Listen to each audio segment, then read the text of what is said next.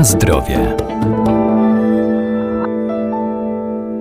Stabilizatory, wzmacniacze smaku czy przeciwutleniacze pojawiają się w składzie produktów spożywczych, które kupujemy, kryją się pod symbolami E. Dlatego, by mieć świadomość tego, co spożywamy, należy czytać składy produktu na opakowaniu. Największe obawy budzą zwykle konserwanty, w tym benzoesan sodu E211. Co warto o nim wiedzieć?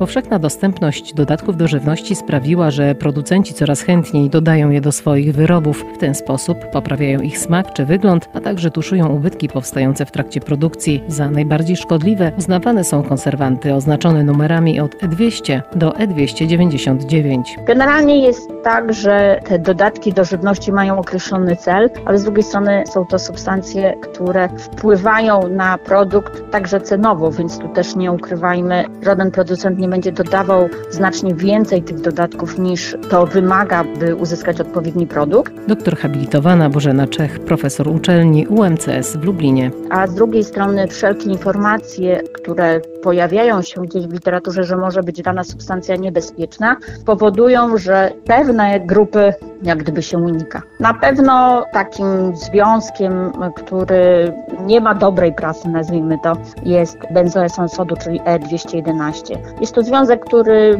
ma być czy stosowany jest jako konserwant, bo hamuje namnażanie się bakterii, czyli generalnie przedłuża czas przydatności do spożycia. Nie jest to związek jak gdyby nowy, występuje naturalnie w jagodach, ale też w grzybach, chociaż bardzo często dodawany jest właśnie jako ten konserwat w różnego rodzaju gotowych zupach, gotowych daniach generalnie, ale też w napojach gazowanych i podejrzewa się go o działanie drażniące, na pewno na przewód pokarmowy, oczywiście w zależności od warunków i też substancji współwystępujących w produkcie.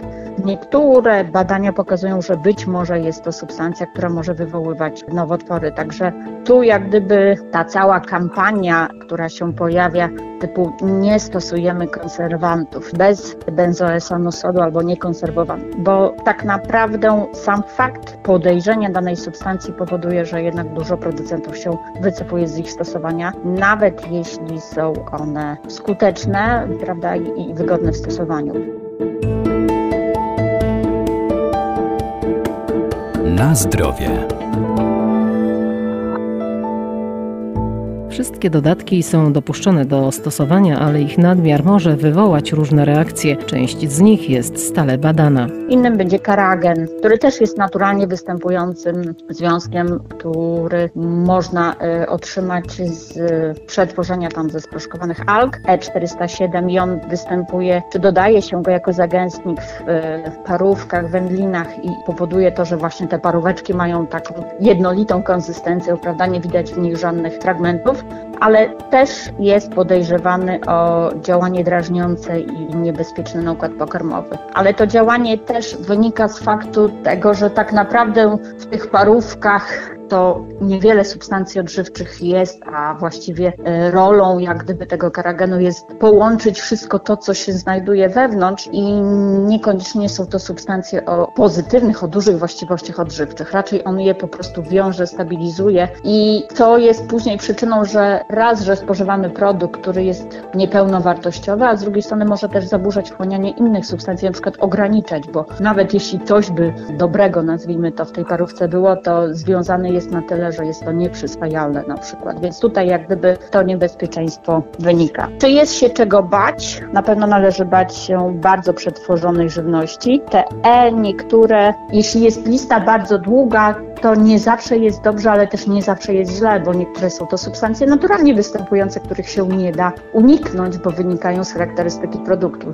Generalnie należy czytać etykiety, unikać wysoko przetworzonej żywności i na pewno każdy, kto porówna chociażby wędlinę sklepową, a mięso pieczone w domu, tak, czy zrobioną przez siebie w domu, to widać jaka jest różnica nie tylko w walorach smakowych, nazwijmy to, ale nawet w tym czasie przechowywania i tego, jak wygląda taka właśnie żywność dużo mniej przetworzona jak ta, która zawiera dużo tych różnych dodatków.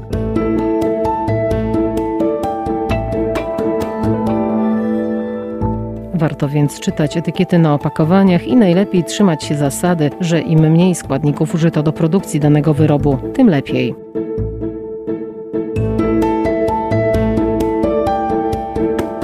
Na zdrowie.